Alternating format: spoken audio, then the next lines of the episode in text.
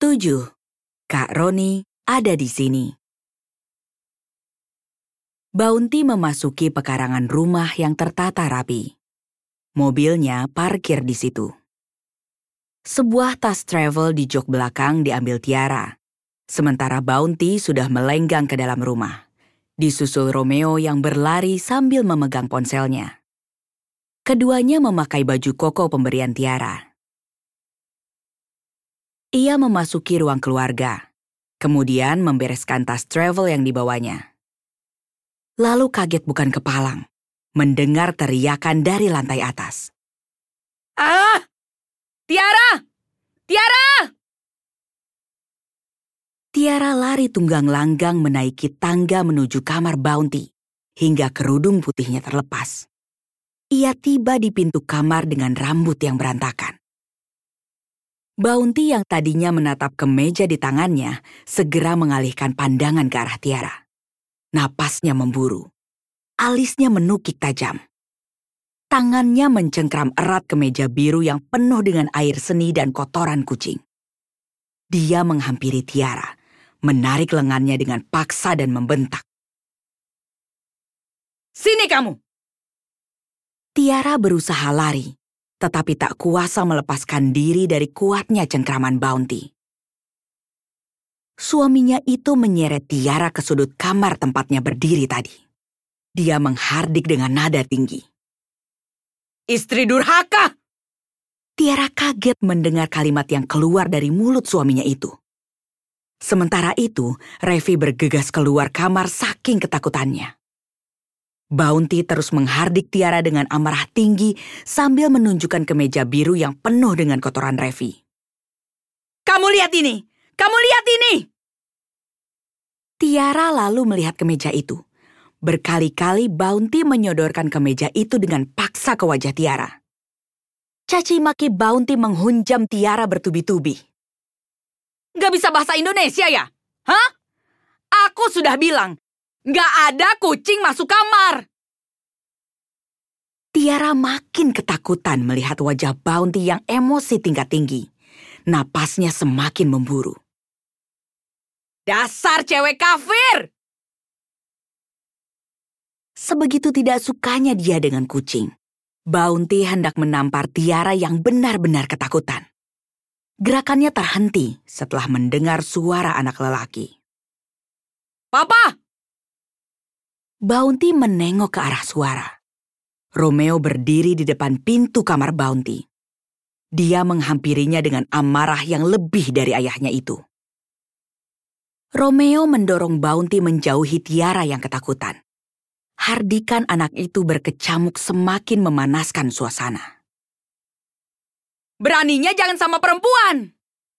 Bounty tertegun melihat anaknya yang bisa mengeluarkan sumpah serapah padanya. Tante Tiara bukan pembantu. Tiara terdiam memperhatikan Romeo yang sedang membelanya. Wajah perempuan itu masih ketakutan. Dia itu istri papa. Kenapa sih masalah baju doang papa langsung ngomong istri durhaka? Cewek kafir? Napas Romeo tersengal-sengal. Air mata sudah mengalir di pipinya. Papa yang gak becus jadi suami. Belajar dulu jadi laki-laki yang benar. Bounty terkejut mendengar kalimat Romeo. Kemeja kotor tadi dibantingnya. Semua kotoran kucing berantakan di lantai. Dia melangkahkan kaki menuju pintu dan membanting setiap pintu yang dilaluinya. Suara mobil dinyalakan. Deru mesin terdengar hingga kamar Bounty. Kini hanya menyisakan Romeo dan Tiara di kamar. Tiara masih menatap Romeo. Ia meluncurkan kalimat pada Romeo dengan suara lembut, disertai air mata yang mengalir halus. Thank you. Tanpa sepatah kata, Romeo menghampiri Tiara dan memeluk sekencang-kencangnya. Dia tak melepas pelukan itu penyesalan dan rasa sayang mendalam kepada Tiara mulai terpatri dalam hatinya. Ibu dan anak itu saling menangis dan berpelukan lama. Romeo menuangkan makanan kucing ke mangkuk Revi. Air mineral sudah tersedia di mangkuk sebelahnya. Revi yang tadi lari ketakutan sudah kembali. Kucing abu-abu berleher putih itu segera menyantap hidangan yang disediakan. Sudah saatnya makan siang. Romeo mengelus Revi dengan penuh kasih sayang. Tiara memperhatikannya dari jauh. Anak itu lalu melihat Tiara dan tertawa bersama. Mereka berdua sedang berada di masa kasmaran ibu dan anak. Sementara itu, jari jemari Bounty menari di keyboard laptop. Dia berada di ruang kreatif Max 909, tengah menyiapkan konsep yang diminta ombud secepatnya. Masih mengenakan baju koko, Bounty terus mengetik dan tidak peduli dengan kesendiriannya di ruangan itu hingga malam menjelang.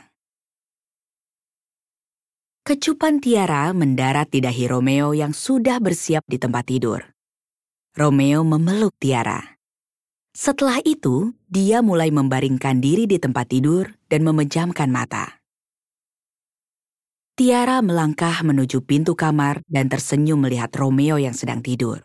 Kemudian mematikan saklar. Mobil Bounty memasuki pekarangan rumah dan memarkir. Tiara melihat pemandangan itu dari jendela kamar, lalu segera beranjak keluar kamar untuk menyambutnya. Ia membukakan pintu untuk sang suami dan memberikan senyum terindah seperti biasa. Assalamualaikum, Papa. Salam itu tidak dijawab Bounty. Dia langsung bergegas ke kamar tanpa menjawab salam Tiara.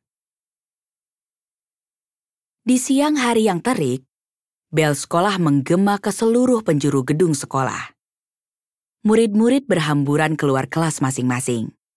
Mereka gembira jam pelajaran terakhir sekolah telah usai dan diperbolehkan pulang. Romeo melangkahkan kaki menuju gerbang sekolah. Langkahnya terhenti. Dia tak percaya dengan apa yang dilihat di depannya. Ada sosok perempuan tinggi semampai dengan wajah lokalnya yang cantik sedang menantinya di gerbang sekolah. Tiara yang mengenakan baju baby pink melambaikan tangan. Romeo berlari kecil memeluk Tiara secepatnya. Perempuan itu merasa kehidupannya kembali dengan pelukan Romeo yang erat, walaupun belum seutuhnya. Lalu ia mengambil tas Romeo. Keduanya melangkahkan kaki menuju mobil sembari berbincang-bincang. Sementara itu, Bounty yang berada di ujung meja rapat mengetik di iPad sambil memperhatikan penjelasan ombud. Bosnya itu menatap semua peserta rapat dan menaruh kedua telapak tangannya di atas meja. Maaf semuanya, saya menerima update brand Canvas. Kita akan ubah konsep kreatif kita. Ombud berjalan mengelilingi peserta rapat. Kebiasaannya itu dilakukan ketika adrenalin memacunya dengan kecepatan tinggi. Jadi ini adalah core value Juka Jojus yang direvisi. Ujar Ombud seraya menunjukkan revisi brand canvas dengan pointer merah. Karena core value-nya berubah, jadi kita ubah storyboard-nya ya. Ini kelihatannya juga berpengaruh untuk packaging. Saya sudah cek packaging, dan warnanya harus diubah jadi lebih feminin. Jadi tolong, Siapa yang bikin desain ini? Romeo keluar rumah ditemani Vina. Dia sudah mengenakan baju bebas dan menggendong tasnya. Tak lupa mencium tangan ibunya yang mengenakan baju muslim bernuansa hijau Tosca yang sederhana. Kemudian, dia berlari dan memeluk Tiara. Tiara menatap Vina dan mengangguk sambil tersenyum. Vina membalas anggukan itu dari pintu dengan perasaan cemburu. Rasa cemburunya mengiringi Tiara dan Romeo yang bergegas menuju mobil. Mereka mulai berjalan meninggalkan rumah Vina. Bounty sibuk mengarahkan anak buahnya. Dia harus mempersiapkan konsep kreatif yang terbaik. Beberapa visualizer sedang mengerjakan desain packaging dan meme yang akan dipresentasikan. Dia terus memperhatikan copywriter yang sedang menjelaskan konsep radiokom dengan serius. Popcorn berukuran besar di dekap Romeo. Anak itu melempar satu popcorn ke arah Tiara ketika menonton di bioskop. Mereka tertawa bersama. Sudah lama mereka berdua tidak merasakan momen sebahagia ini. Layar bioskop sedang memainkan film terbaru. Sementara itu, moving storyboard yang terpampang pada layar laptop Bounty sedang diputar. Bounty memperhatikan dengan saksama. Tangannya memegang mouse untuk mengendalikan laju bermainnya moving storyboard itu. Tangan Romeo memegang troli belanja, mengambil alih dari tangan Tiara. Biar aku aja, Tante. Tiara menatap Romeo yang sudah menguasai troli. Ia tersenyum. Mereka berjalan perlahan menuju bagian bahan makanan. Romeo mendorong troli sementara Tiara memilih bahan makanan spaghetti bolognese yang akan dimasak nanti. Rumah Bounty diwarnai langit jingga. Suara azan maghrib berkumandang indah. Tangan Tiara meletakkan sepiring spaghetti bolognese di hadapan Romeo. Mereka berdua memutuskan untuk makan malam duluan karena sudah kelaparan. Selamat makan, Romeo. Romeo membalas ucapan itu dengan mendaratkan ciuman di pipi Tiara.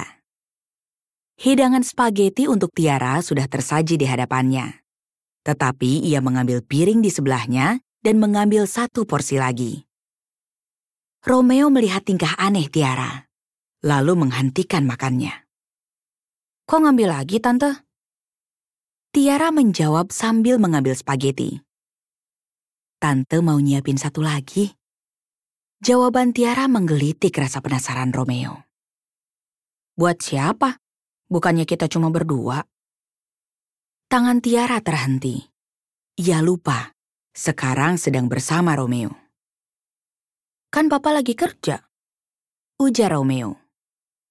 Hmm, bukan. Bukan buat Papa.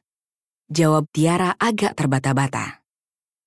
Romeo bertanya lagi dengan nada penasaran memaksa Tiara untuk berbicara sejujurnya. Jadi, buat siapa? Pintu kamar Roni terbuka lebar. Siluet ibu dan anak terlukis di lantai putih.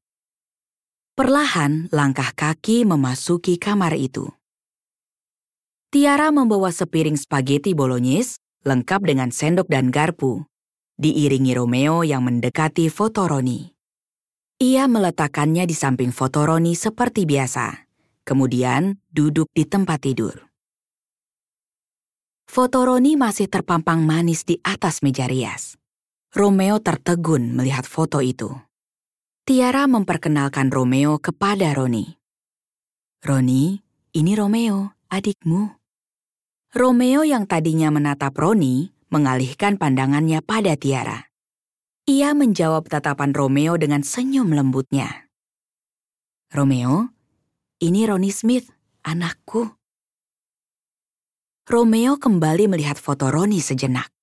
Kemudian, ia mengalihkan pandangannya pada Tiara dengan tatapan penuh tanya. Kak Roni sekarang ada di mana, Tante? Tiara terdiam. Tangan kanan Tiara memegang tangan kiri Romeo dengan lembut. Kak Roni ada di sini. Diletakkannya tangan Romeo di tengah dada Tiara. Ia tersenyum pada anak itu. Romeo lalu mendekati Tiara dan membalas senyumnya. Bolehkah aku ikut bersama Kak Roni di hati Tante? Tiara terkejut. Ia langsung memeluk Romeo dengan mata yang basah. Boleh sayang, kamu anakku juga. Mereka berdua berpelukan di hadapan foto Roni. Suasana kamar itu penuh haru, hangat dengan kasih sayang.